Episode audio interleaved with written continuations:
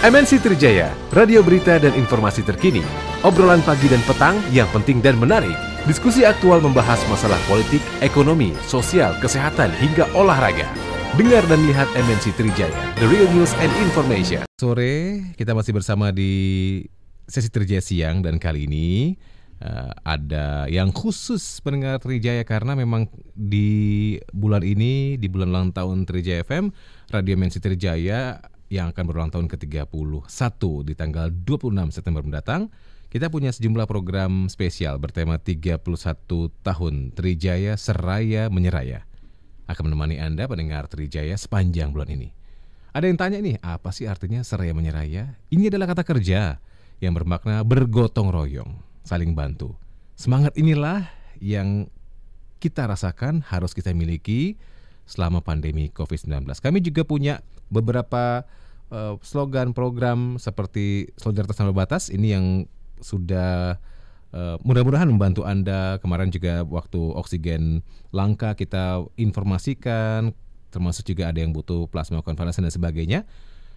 Dan saya yakin solidaritas ini juga dirasakan oleh generasi muda pendengar Trijaya. Nah, untuk rangkaian acara kita, obrolan kita yang spesial berjudul 31 Tokoh Muda Trijaya di September ini dengan program puncaknya 28 September. Sore ini hadir di Trijaya FM ada Sultan Rifandi, co-founder Centennial Z. Bang Sultan, selamat sore.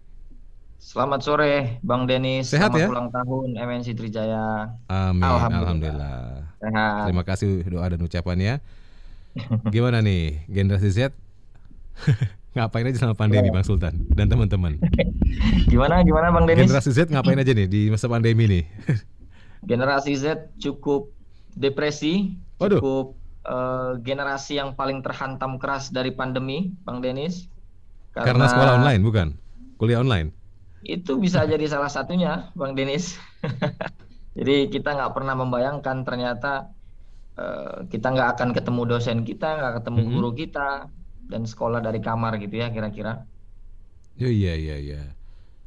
Tapi ini kan pengalaman digital yang tanda kutip generasi Z ini kan sudah dari lahir ya tanda kutip digital native gitu katanya. Okay. Bener nggak tetap membuat tadi uh, Bang Sultan bilang agak frustasi dan sebagainya, depresi lah. Sedih. Oke, okay. uh, sebenarnya Bang Denis, digital native itu kan kita uh, menjadikan sosial media itu sebagai alat bantu kita di awal. Memang yeah. kita generasi Z ini bisa dibilang tuan rumah lah di dalam sosial hmm. media, hmm. di dalam teknologi. Tetapi tidak pernah kita menjadikan bahwa sosial media ini akan menjadi tulang punggung atas segala aktivitas yang akan kita lakukan. Okay. Dulu jadi alat bantu. Nah, sekarang kita yang akhirnya terkuasai yang tidak bisa terelakkan bahwa akhirnya kita akan bergantung dari segi pendidikan, bahkan hmm. ekonomi, bahkan banyak hal kehidupan yang akan uh, dijalani melalui uh, dunia digital. Tapi tentu akan ada dampak tentu ada dampak positif dan ya, dampak negatif kan pasti. kan gitu kira-kira. Nah mungkin Centennial ini akan menjadikan dampak positif dari digital native ini sebagai potensi dan juga akan menambal sisi-sisi negatif yang akan dilahirkan atas situasi seperti ini gitu kira-kira Bang Oke. Okay. Kalau boleh tahu buat pendengar Trijaya apa sih Bang Sultan Centennial Z itu? Oke, okay, Centennial Z itu sebenarnya ini juga komunitas yang lahir di tengah pandemi nih, Bang Denis. Jadi Oh, baru dong ya? Ya, satu tahun yang lalu hmm. gitu kira-kira ya.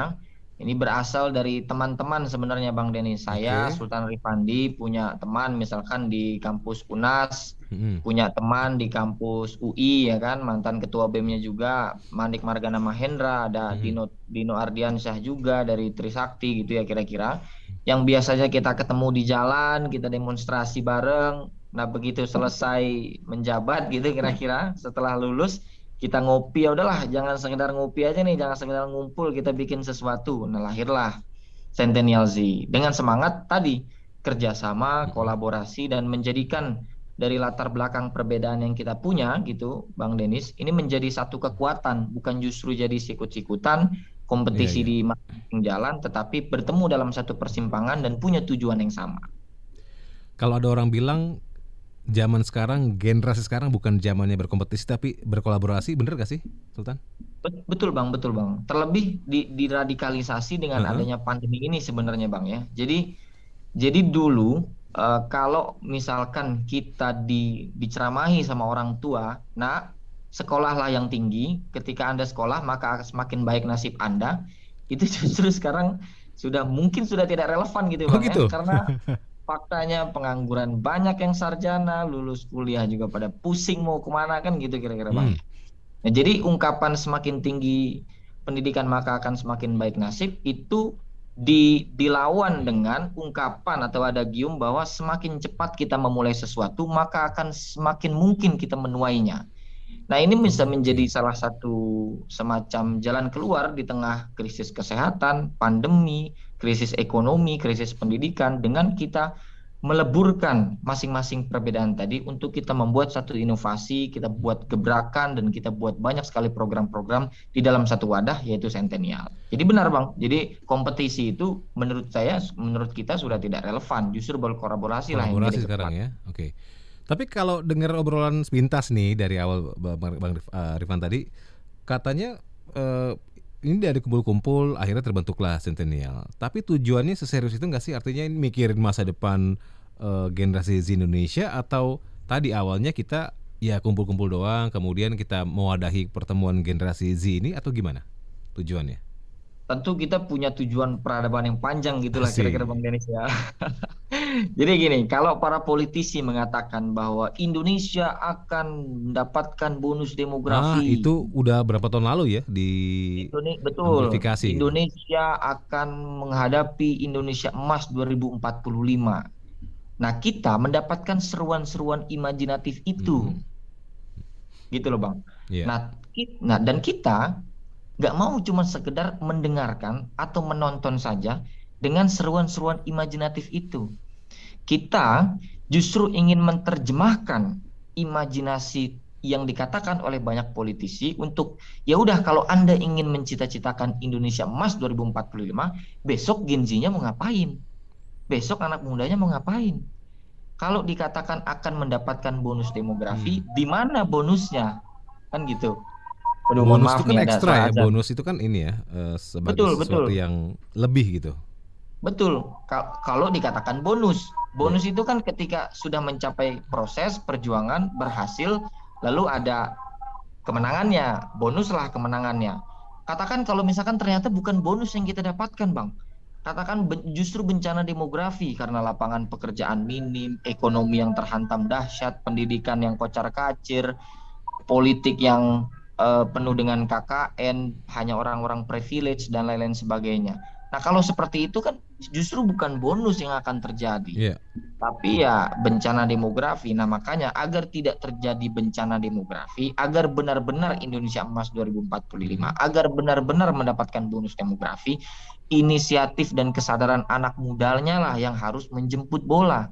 Bukan okay. hanya mendengarkan dongengan-dongengan orang tua, tapi justru kita yang berinisiatif ber punya kesadaran untuk menjemput bola Indonesia emas tersebut. Karena ini eranya generasi muda nanti ya, bukan betul, generasi betul. orang tua atau mungkin tanda kutip politisi tadi yang uh, kasih angin surga di awal gitu ya, bonus demografi. Iya. Kita nyebutnya udah, ansor, udah, angin surga.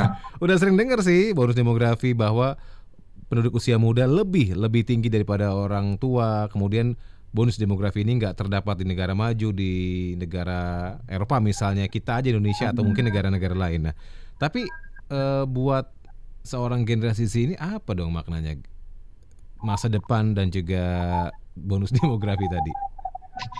Kita sebenarnya kalau di, di, di, ditanyakan apa makna gitu ya masa depan dan lain-lain sebagainya, kita justru lebih tertarik untuk membicarakan seperti apa rule of the game untuk menjemput masa depan sebetulnya. Ah, Oke. Okay.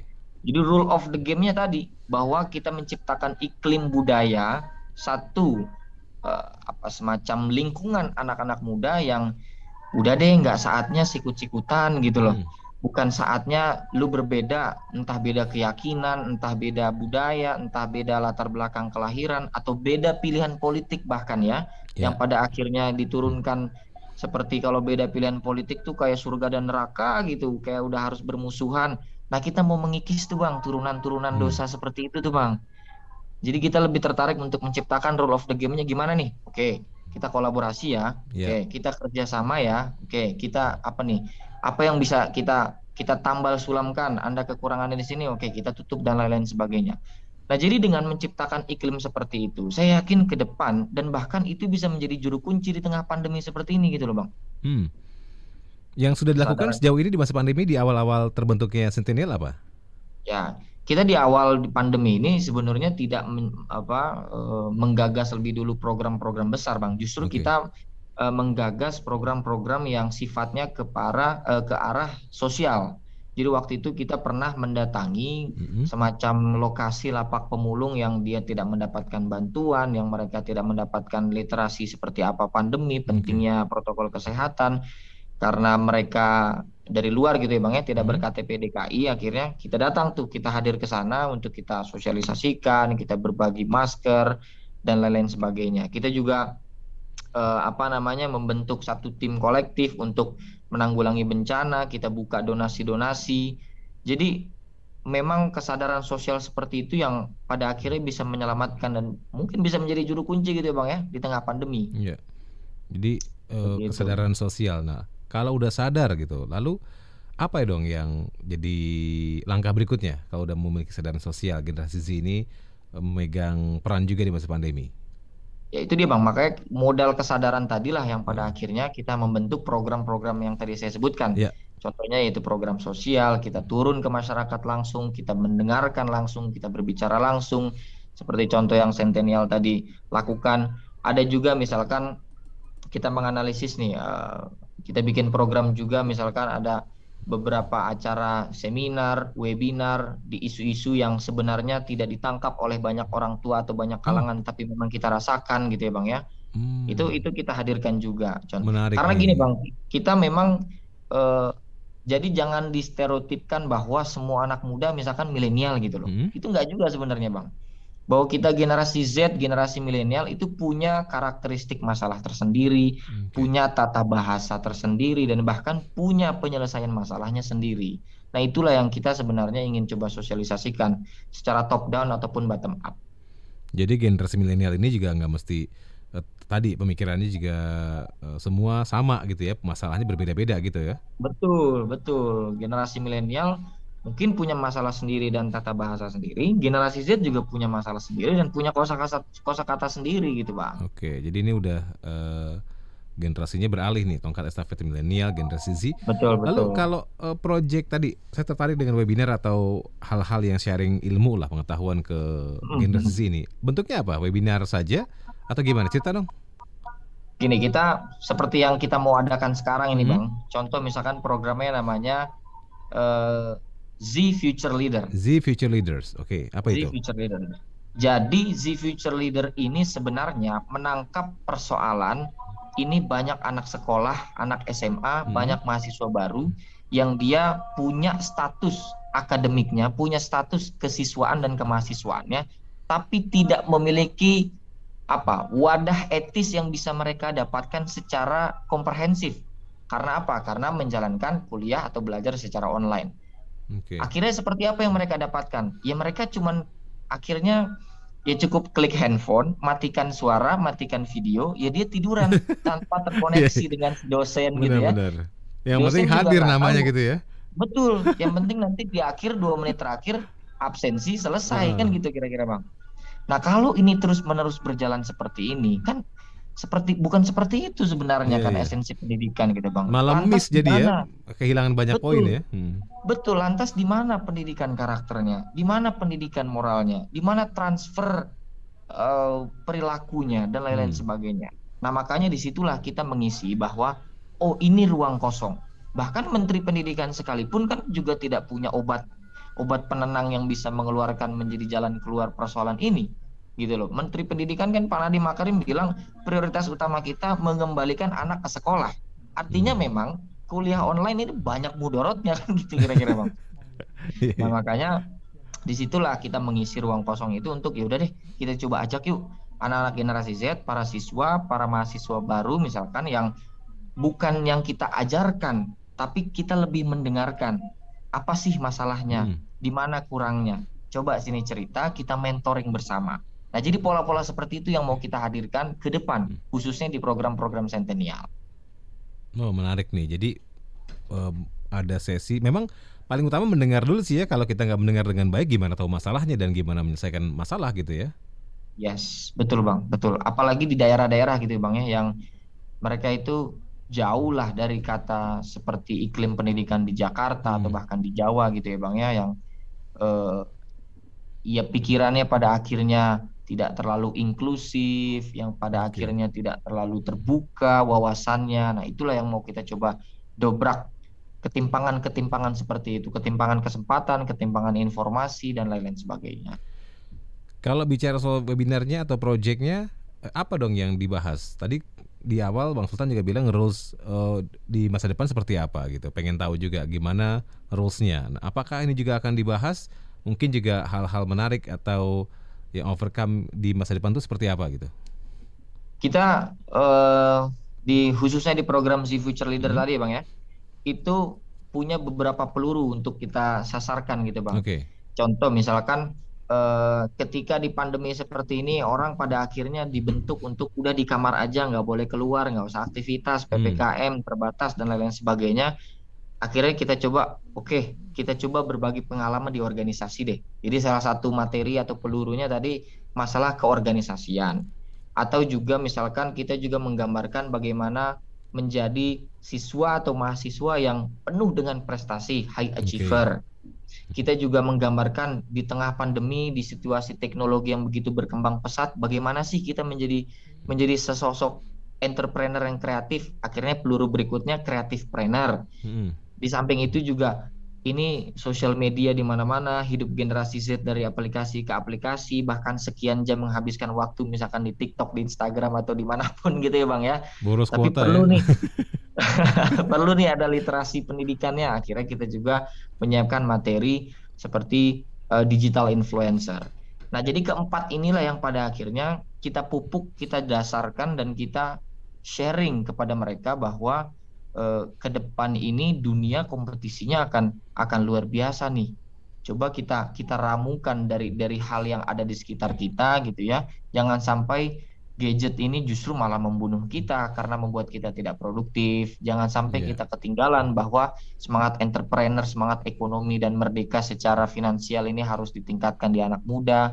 Terus juga bagaimana ilmu-ilmu keorganisasian yang tidak dapat di kelas juga bisa kita dapat sharing di, di komunitas. Jadi hal-hal seperti itu yang mau kita bangun ke depan. Iya, kalau di benak orang banyak mungkin generasi ini akrab kegiatannya dengan misalnya nih ya ngevlog bareng tadi kreatif oh. planner dan sebagainya. Tapi kan ada beberapa sisi, saya kemarin beberapa baca juga project uh, dari FEO misalnya dan lain-lain bahwa penting juga loh buat generasi muda ini tahu misalnya nih cara bertanam, lalu juga mereka tahu uh, bagaimana uh, rules hidup di masa depan, nggak boros energi dan sebagainya. Ini juga ya. jadi jadi hal-hal yang penting ya untuk diketahui bersama gitu. Betul, bang, betul, Bang. Bahkan lebih bagus lagi ketika dia paham tentang environmental ethics, mm -hmm. dia mm-hmm. paham tentang menanam, dia yeah. punya interest misalkan untuk menjadi petani oh. yang akan dia uh, apa namanya lakukan.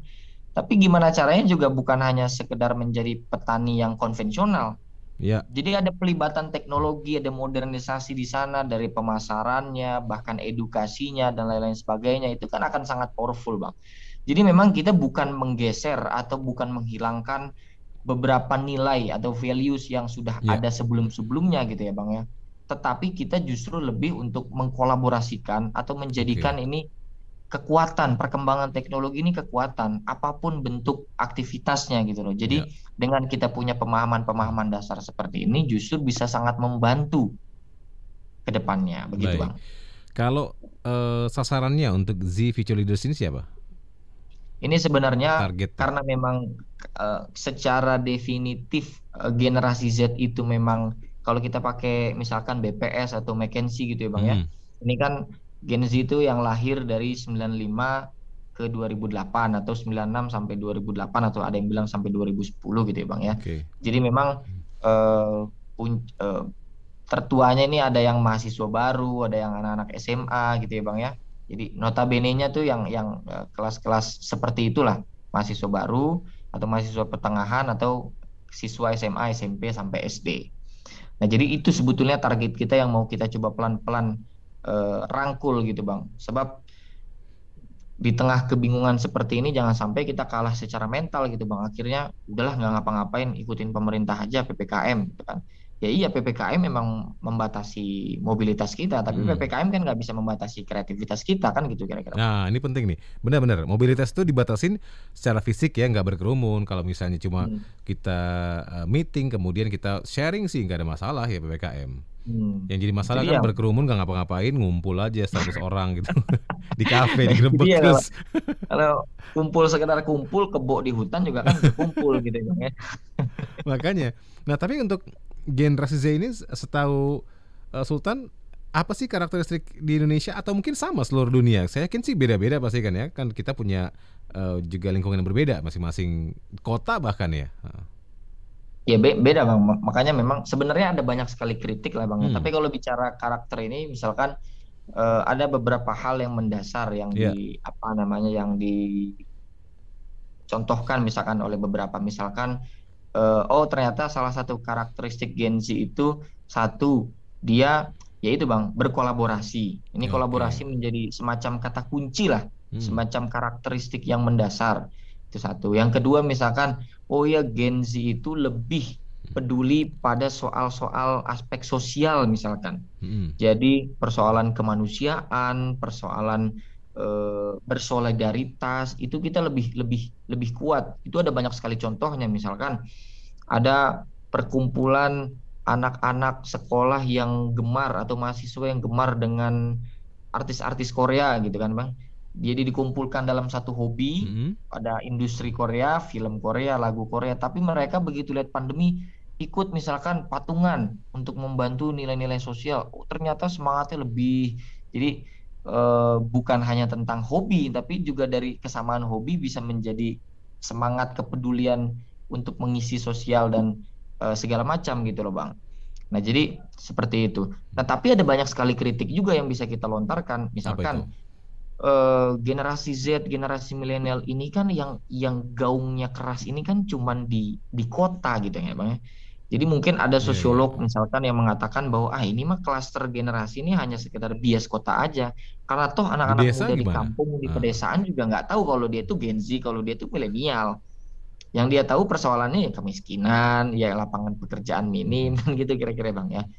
Nah, di situlah sebenarnya penting untuk kita sadarkan gitu loh Bang bahwa eh, ini bisa jadi jadi kekuatan untuk Eh, persoalan-persoalan itu di, dimudahkan untuk dijadikan jalan keluar gitu loh bang okay. menjadi salah satu bisa menjadi salah satu cara atau solusi untuk uh, oke okay, kita uraikan misalkan masalah kemiskinan di Indonesia nah kita bisa menggunakan perspektif Gen Z ini seperti apa sih karakternya milenial seperti apa ya. gitu kira-kira bang kalau tadi menarik uh, kalau generasi Z atau milenial ini uh, tadi klaster kota aja katanya di, di di desa atau mungkin daerah terpencil mereka nggak ngeh kalau mereka adalah masuk generasi Z ini.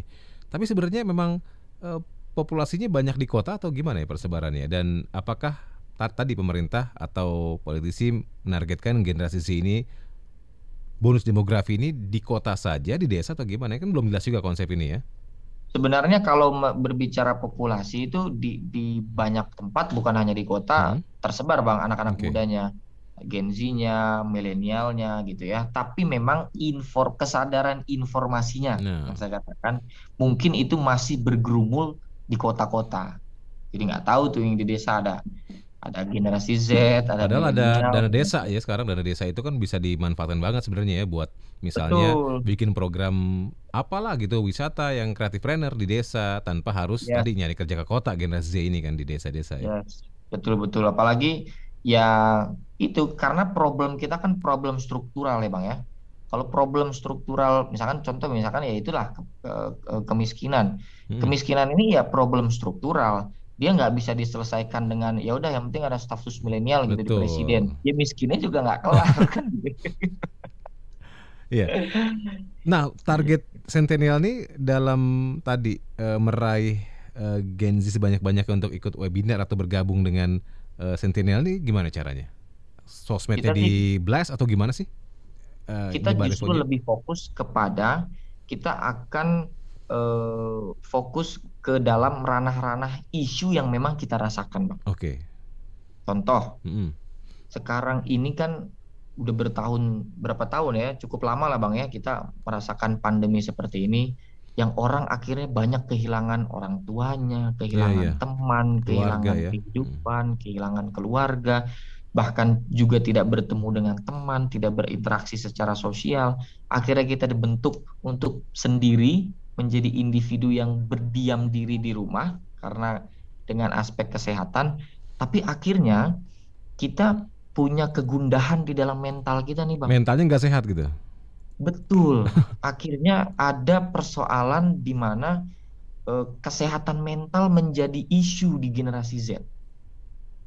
Oke. Nah ini kan kesehatan mental belum belum banyak orang pahami, orang tua nggak paham apa sih apa sih kesehatan mental orang biasa aja mental segala macam padahal itu paling penting bang di generasi Z orang yang dirasakan kegelisahan kegundahannya apa nih generasi Z ini itu tadi karena memang Sendirian, dia ya? akhirnya menyendiri mm-hmm. ya tidak berinteraksi sesama teman yeah. hanya melakukan interaksi secara online dia melihat akhirnya wah temen gua masih lengkap keluarganya enaknya bisa bahagia mm-hmm. Nah sementara oh, mereka iya, yang iya. kehilangan orang tuanya pada akhirnya tersentuh bukan hanya iya, iya. tersentuh bahkan terhancurkan Padahal kan nggak disengaja gitu loh bang. Hmm. Ini sebenarnya bubble circle yang dihasilkan dari dari efek pandemi tadi gitu loh bang.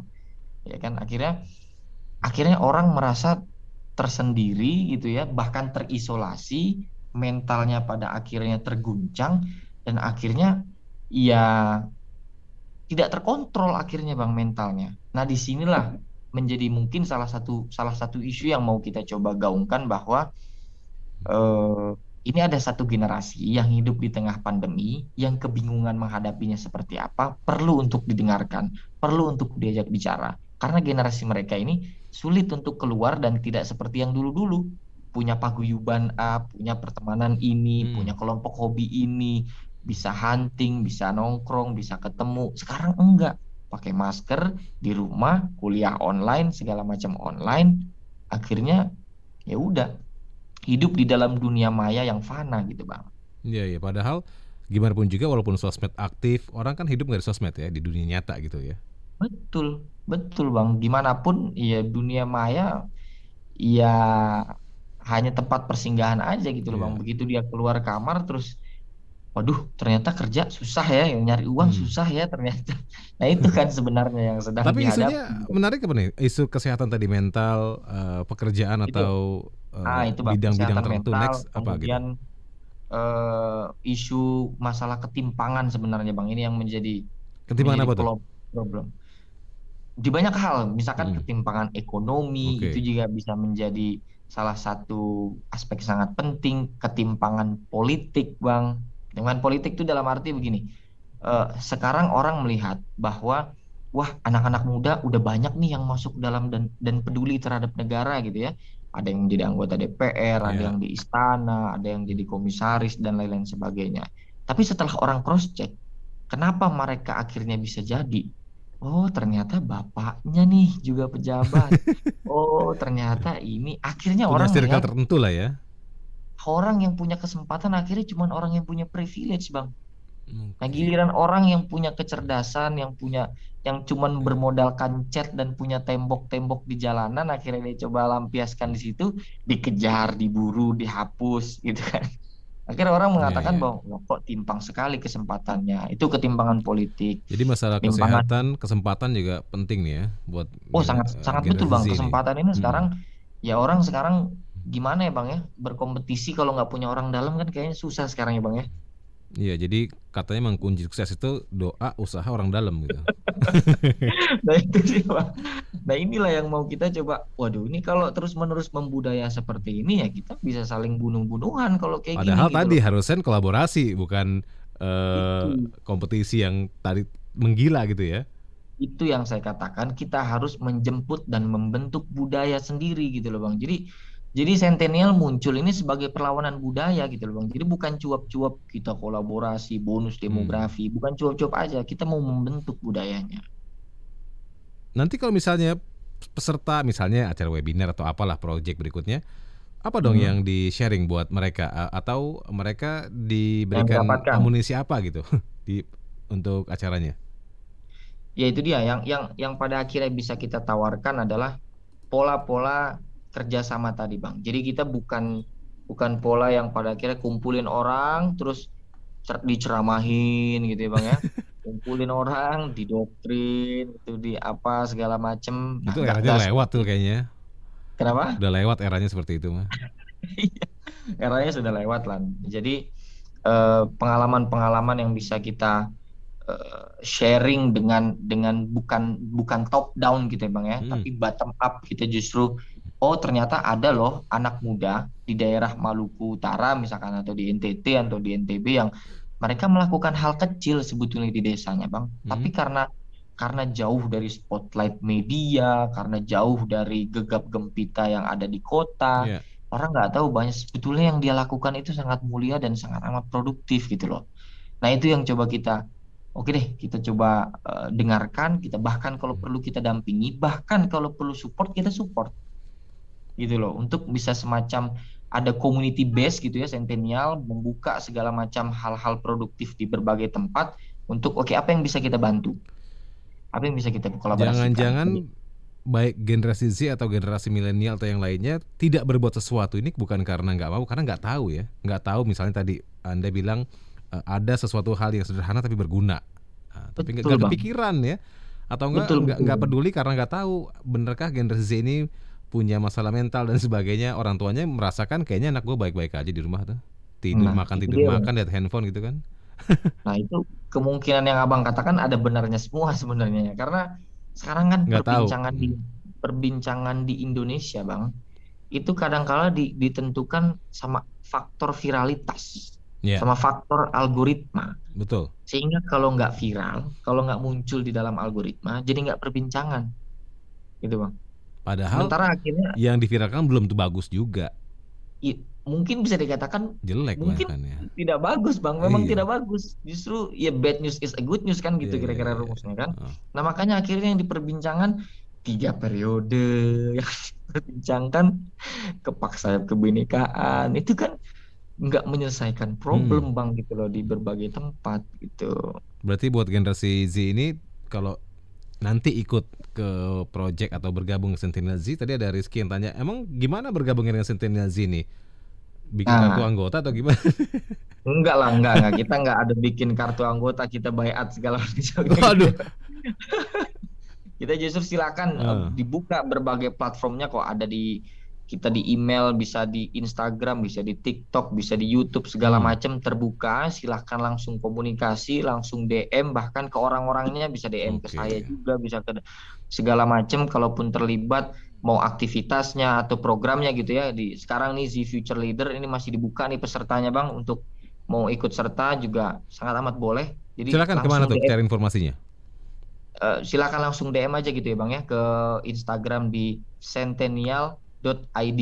Sentinel.id. Okay. Sentinelz.id. Sentinelz.id. Oke. Okay. Ya, Sentinelz.id itu uh, langsung DM aja jadi jangan nggak usah harus yang gimana-gimana gitu Bang ya. Kita tanya aja langsung ya biasa lah kalau ya, kita langsung nanya. DM langsung tanya gitu, aja gitu kan. Langsung komen kita kita anggap sesama teman aja lah gitu hmm. polanya. Gitu langsung tanyain itu langsung bisa kok langsung akan kita uh, jemput gitu kira-kira. Nah, kemudian nih uh, Bang Sultan uh, yep. kan udah uh, dikit lagi waktunya. Okay. Next atau harapannya apa nih untuk generasi Z atau event dari Z Future Leaders itu? Uh, harapannya sebenarnya bang, kita ingin menjadikan orang-orang yang ikut berpartisipasi di dalam kegiatan-kegiatan, contohnya misalkan Z Future Leader mm -hmm. itu, mereka mendapatkan satu kesadaran frekuensi yang sama, bang okay. untuk mereka bawa ke tempat masing-masing. Jadi bukan dia yang kita bawa untuk ke kota, mm-hmm. bukan dia yang kita tarik untuk pada akhirnya udah lu tinggal di Jakarta aja, Jakarta nih masa depan. Enggak. Mm. Tapi dari mereka untuk kita sharing, kita dengarkan, kita mentoring bersama, okay. punya kesadaran frekuensi yang sama, didasarkan beberapa hal, pemahaman-pemahaman literasi digital, kreatif plannernya, keorganisasiannya, mentalnya, moralnya, dan lain-lain sebagainya gitu ya Bang ya, untuk menjadikan bekal dia, untuk dia bawa dan disebarkan ke tempatnya masing-masing Bang. Nanti dari tempatnya masing-masing juga hmm. melahirkan orang-orang yang juga frekuensi yang sama. Jadi, saya mencita-citakan bahwa inisiatif yang dilakukan adalah dengan apa uh, dari generasi Z ini adalah inisiatif yang dengan konotasi perlawanan budaya. Jadi bukan setengah gelas kosong untuk didoktrin oleh para orang-orang politisi-politisi tua yang sebenarnya nggak tahu juga masalah di bawah seperti apa, tapi bisikan-bisikan kecil dan langkah-langkah kecil yang mereka bawa di tempat masing-masing itulah yang membangun bangsa Indonesia ke depan. Karena ini kondisi realnya begitu ya. Betul bang, betul. Baik, gitu. menarik sekali. Jadi, ini ya. Begitulah kira-kira bang. Iya. Terakhir ada yang mau ditambahkan buat kesempatan sore ini? Ya, uh, dan dan terakhir saya sebetulnya berharap media-media seperti yang Trijaya lakukan seperti ini bisa menjadi amplifying dari apa yang kita lakukan gitu loh bang. Jadi kita juga ya nggak bisa melakukan hal uh, tanpa harus melibatkan apa namanya kerjasama kerjasama media seperti ini gitu loh bang. Jadi kita mengharapkan bahwa media-media ini mengikiskanlah relasi kuasa dan medianya untuk pada akhirnya membahas-bahas yang banyak hal yang sebenarnya tidak menyelesaikan problem okay. tapi uh, lihatlah bahwa ada banyak nih anak-anak muda yang berinisiatif ada banyak nih orang-orang di desa yang yang yang luar biasa kegiatannya tapi memang butuh support banyak dari banyak media dan saya mengucapkan terima kasih sama MNC Trijaya yang selalu mensupport acara-acara anak-anak muda seperti Pastinya saya. karena kalau orang mau suara yang terdengar dari jauh ya harus pakai speaker ya, harus pakai ampli kan, gitu ya. Betul, amplifier. Kalau, kalau ada alatnya lebih mudah kita menjangkau yang lebih jauh. Betul. Sultan, terima kasih waktunya ya. Terima kasih banyak Bang Sukses Denis buat acaranya baik Z Future Leaders. Selamat ulang siap. Ya. Hmm. Selamat ulang tahun buat Trijaya pokoknya terima makin kasih. sukses media di Indonesia. Ucapan dan doanya dan jelas kita juga doakan semoga Z Future Leaders atau Sentinel Z atau mungkin secara umum generasi Z lah atau milenial atau apa pun di Indonesia kita bisa ke arah yang lebih baik lagi terutama kita bisa uh, saling bantu ya gotong royong di masa pandemi ini. Terima kasih Bang Sultan ya. ya. Dan pendengar Trijaya, terima kasih kalian bersama kami di The Real News and Information. Denny Serawan saya dibantu produser ada Fani, tim teknis ada Ari, kemudian produser dan juga yang lain-lain juga ikut membantu dari acara kita di sore ini di Trijaya Siang. Nanti kita akan kembali dengan berbagai informasi aktual www.mnc3jaya.com untuk update berita, Terima kasih. MNC Trijaya, radio berita dan informasi terkini. Obrolan pagi dan petang yang penting dan menarik. Diskusi aktual membahas masalah politik, ekonomi, sosial, kesehatan, hingga olahraga. Dengar dan lihat MNC Trijaya, The Real News and Information.